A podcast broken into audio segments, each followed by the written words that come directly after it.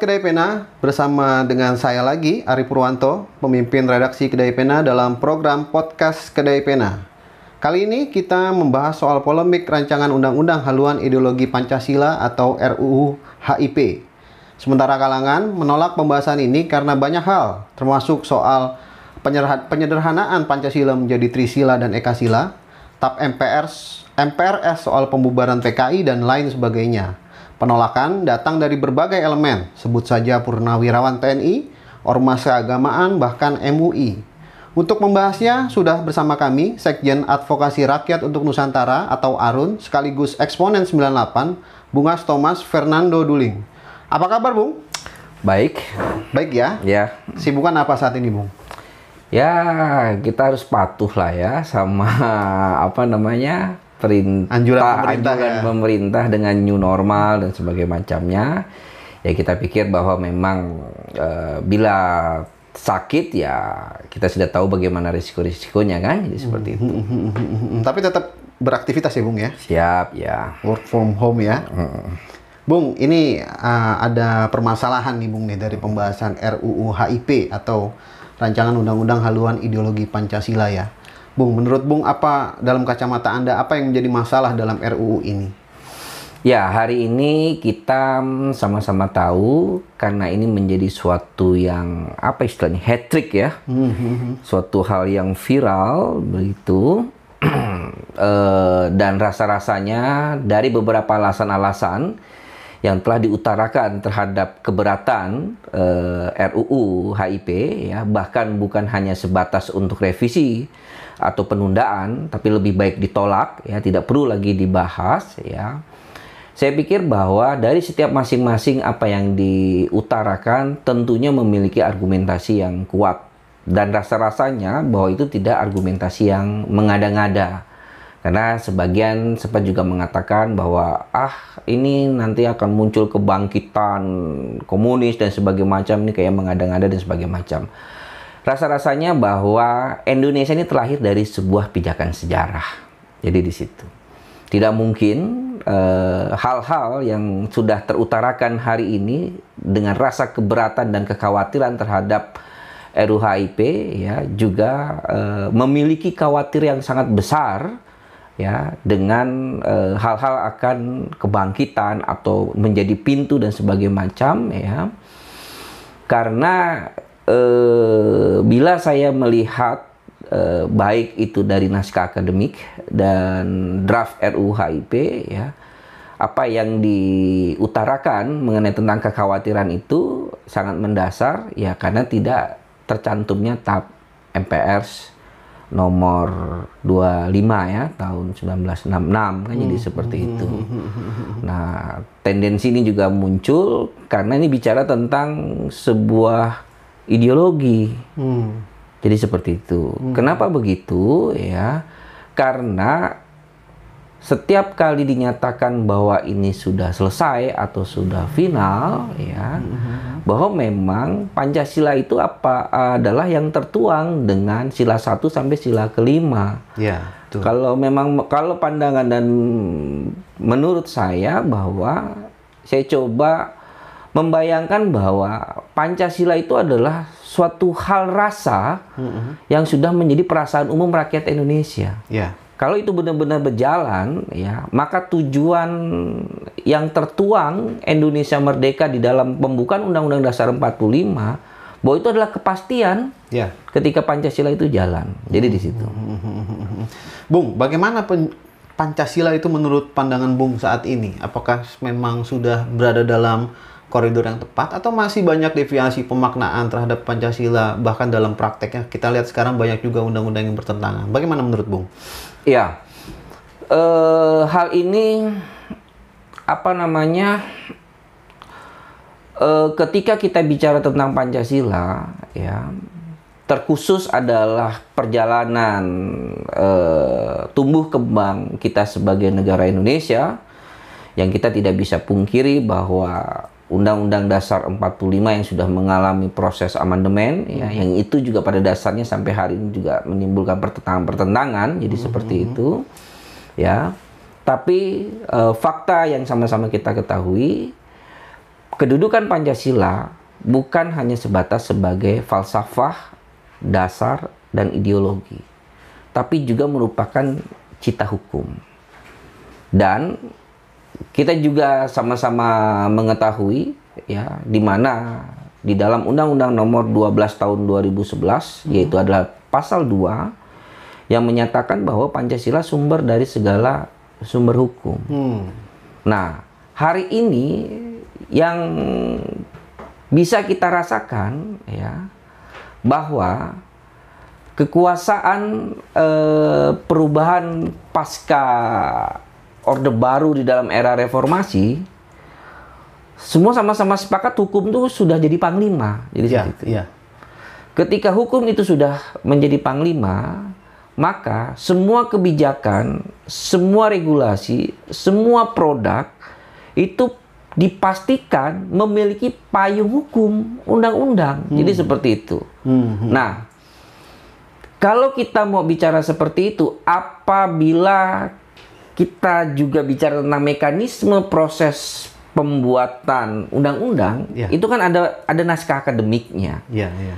Nah, di dalam naskah akademik itu sebenarnya Pancasila sudah didudukan sebagai alat filter. Hmm.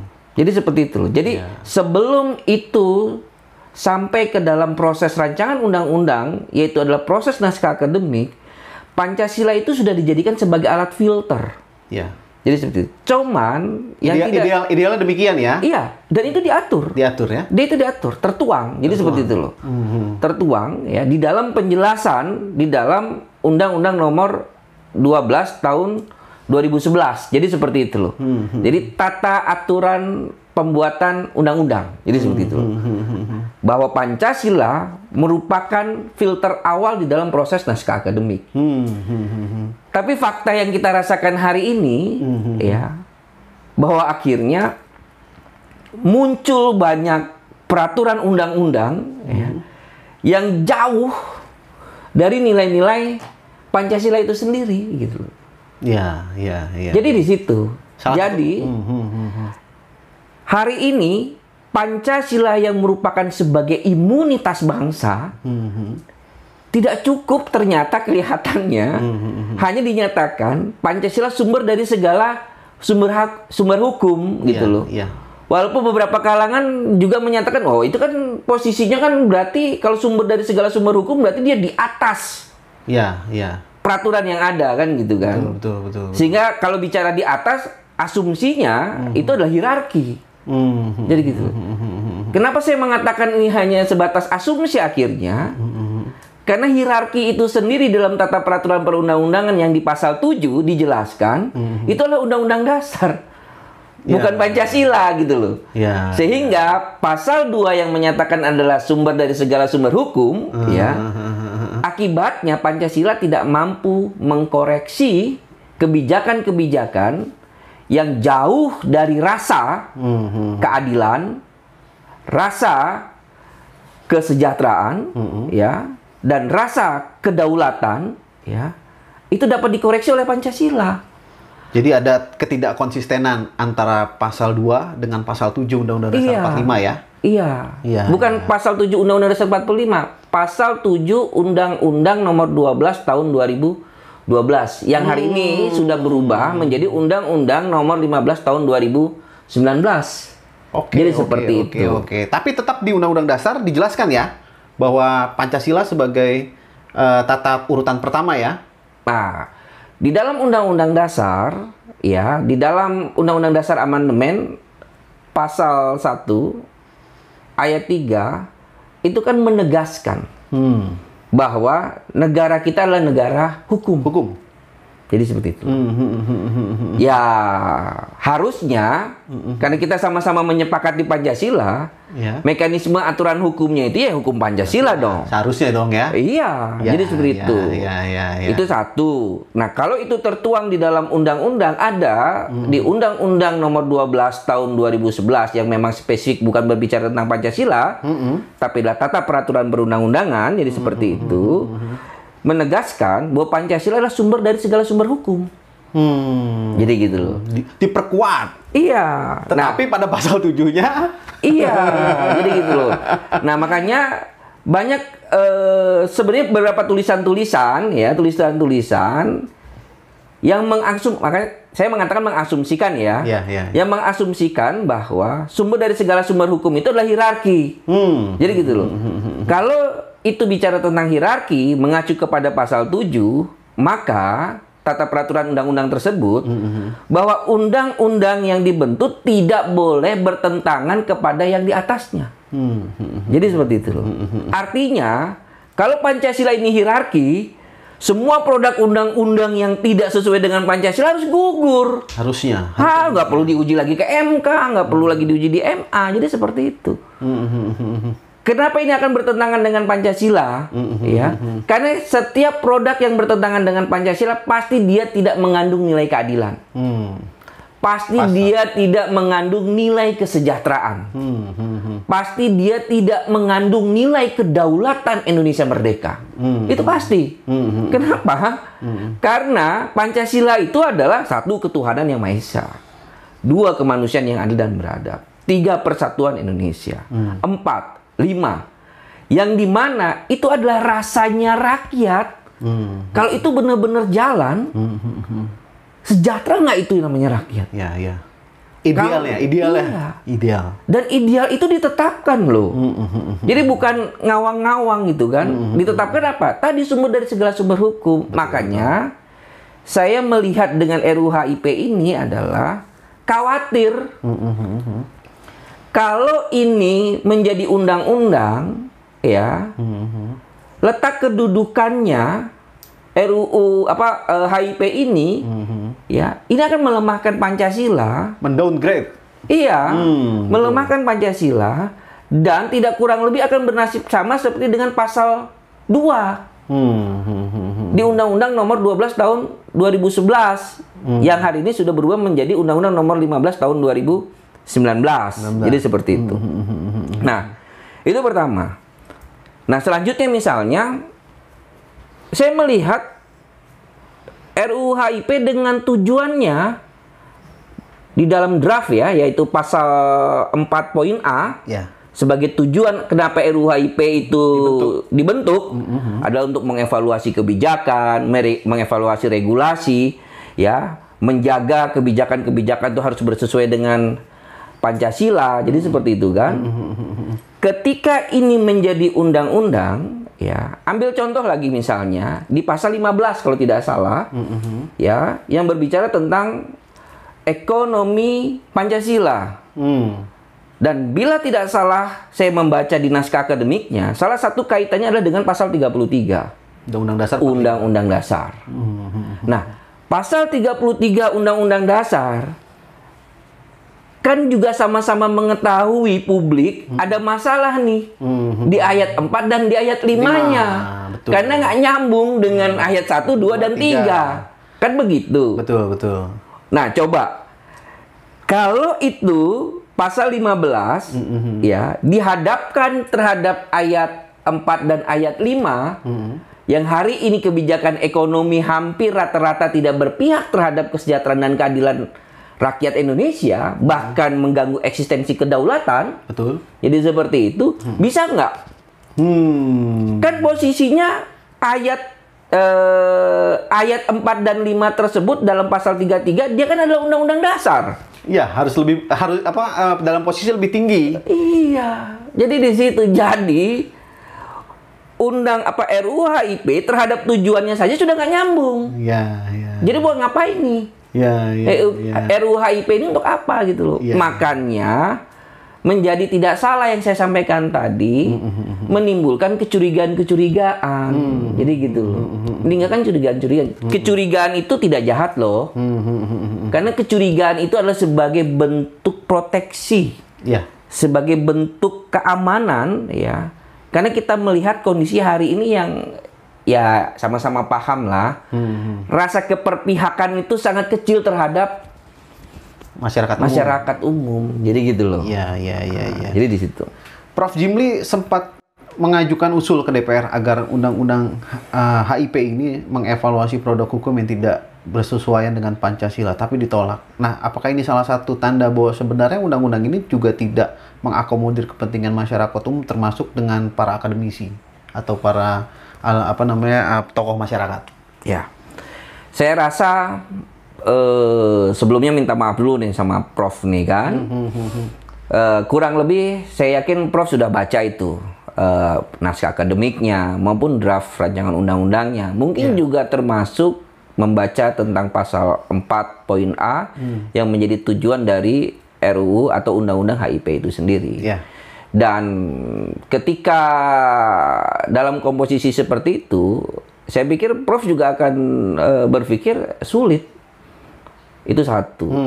Dan kebutuhan Pancasila hari ini sebenarnya ya lagi-lagi yang saya juga rasa coba dari karena saya juga sempat membaca artikel ini di salah satu media ya eh, pernyataan Prof ini jadi seperti itu eh, bahwa produk kebijakan undang-undang hari ini banyak yang bertentangan dengan Pancasila. Maka bagaimana upayanya sebenarnya hari ini Pancasila itu harus mampu mengkoreksi itu karena memang itu adalah salah satu fungsinya. Hmm. Gitu loh. Jadi di situ. Jadi saya saya simpulkan bahwa sebenarnya uh, undang sesama undang-undang tidak bisa saling mengkoreksi begitu. Nggak bisa dong. Kan udah jelas. Pasal 7 di Undang-Undang Nomor 12 tahun 2011 atas perubahan Undang-Undang Nomor 15 2019 ya. Karena apa? Ya, karena apa? Karena tadi letak kedudukan hierarkinya. Jadi seperti itu.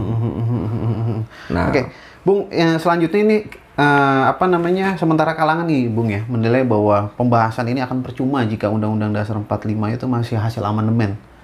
Ya kan? Jadi harus dulu kembali dulu ke Undang-Undang Dasar 45 asli. Nah, ini menurut Bung gimana? Apakah ini menyangkut soal dasar atau ideologi atau kita hanya membahas soal eh, tata perundangan saja? Bagaimana menurut Bung? Ya, eh kembali ke Undang-Undang Dasar 45 itu adalah perjuangan dalam sebuah upaya melihat eh, lemahnya hasil-hasil produk amandemen Undang-Undang Dasar ya yang mengganggu tiga hal tadi Ya. keadilan, kesejahteraan, dan kedaulatan. Hmm. Artinya, Undang-Undang Dasar merupakan batang tubuh Betul. yang kepalanya adalah pembukaan Undang-Undang Dasar. ya. Jadi seperti itu. Nah, kenapa menghendaki kembali ke Undang-Undang Dasar 45 ya dalam proses amandemen yang sudah empat kali? Karena memang kita rasa bersama, kita rasa bersama bahwa ini jauh dari tujuan kenapa Indonesia merdeka Ya. yang tertuang di dalam pembukaan. Hmm. Jadi di situ. Artinya bagi saya tetap menghargai upaya-upaya kawan-kawan, kelompok-kelompok yang eh, masyarakat dan kalangan-kalangan ya yang mengambil langkah kembali ke Undang-Undang Dasar 45. Hmm. Jadi seperti itu. Nah, di sisi lain maksud saya adalah bahwa ketika kita bicara tentang pembukaan Undang-Undang Dasar 45 yang menjelaskan di dalamnya adalah tujuan kehendak kenapa kita merdeka dan di situ juga di dalam alinea terakhir kan tertuang Tujuan. tertuang dari apa yang dimaksud Pancasila Hmm. kan gitu kan di alinea terakhirnya itu kan jadi Ya, seperti ya, itu ya. nah makanya kita coba mengambil ya eh, langkah-langkah mengambil langkah-langkah pemikiran yaitu adalah eh, yang juga tidak bertentangan apa itu ya Pancasila yang juga dinyatakan sebagai cita hukum Hmm. jadi itu Jadi kembali yang ke undang-undang tata perundangan itu ya tadi ya. iya Pasal tujuhnya berarti ya Iya. yang harus dihapus ya. Nah, apakah pasal 7 itu harus dihapus? Saya tidak mengatakan bahwa eh, urutan dari pasal 7 itu salah tidak. Saya cuman mau bilang ya, ketika mengasumsikan sumber dari segala sumber hukum itu adalah hierarki dan kalau itu masuk ke dalam pasal 7 apa ya dalam pengertian hierarki tata peraturan perundang-undangan bahwa undang-undang atau peraturan yang di bawahnya tidak boleh bertentangan yang di atasnya. Betul. Kalau itu bertentangan dia harus gugur. Hmm. Kan gitu. Nah, kalau Pancasila adalah sumber dari segala sumber hukum, kan begitu kan? Ya. Dia kan berarti yang di atas.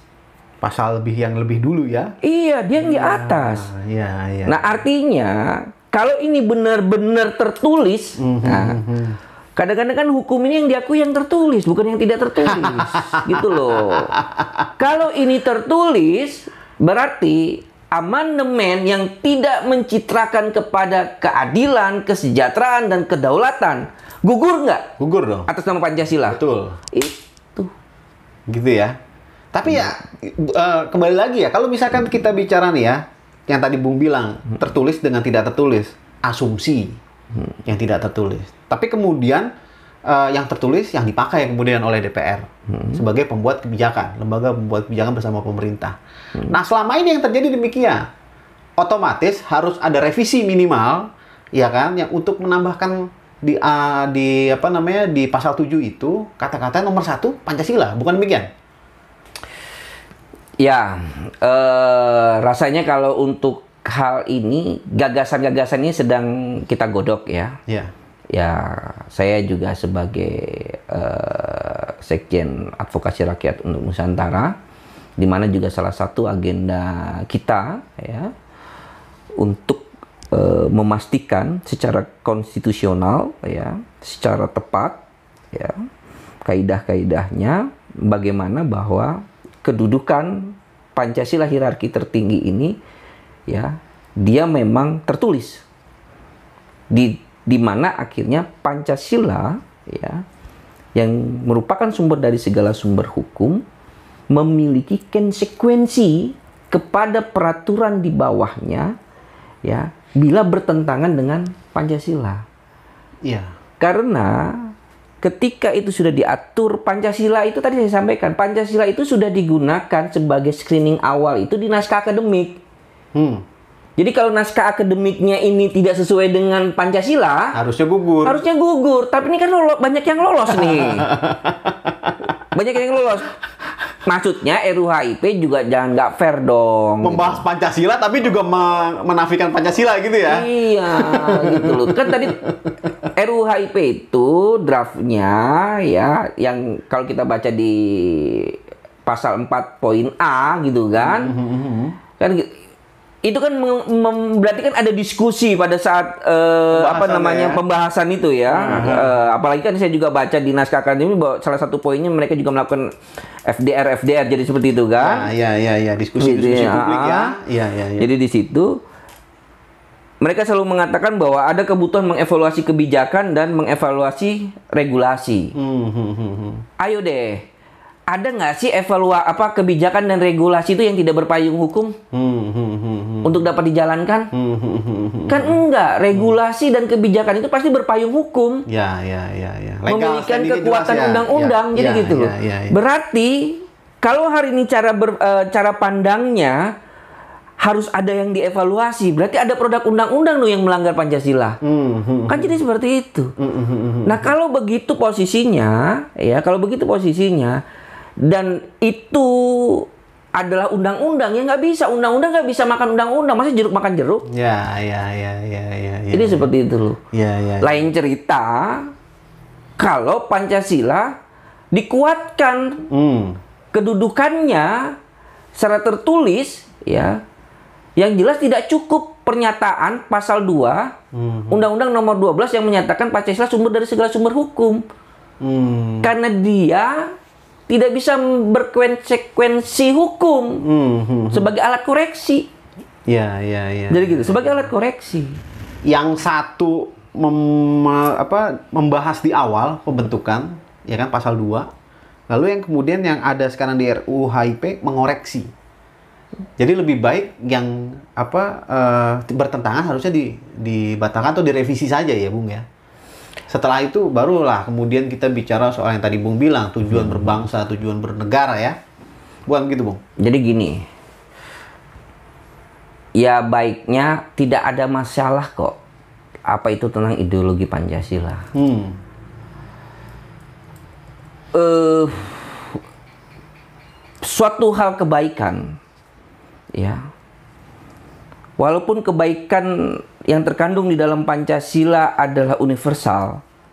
Universal kebaikan itu pun juga sudah dibatasi dengan sila kedua. Hmm.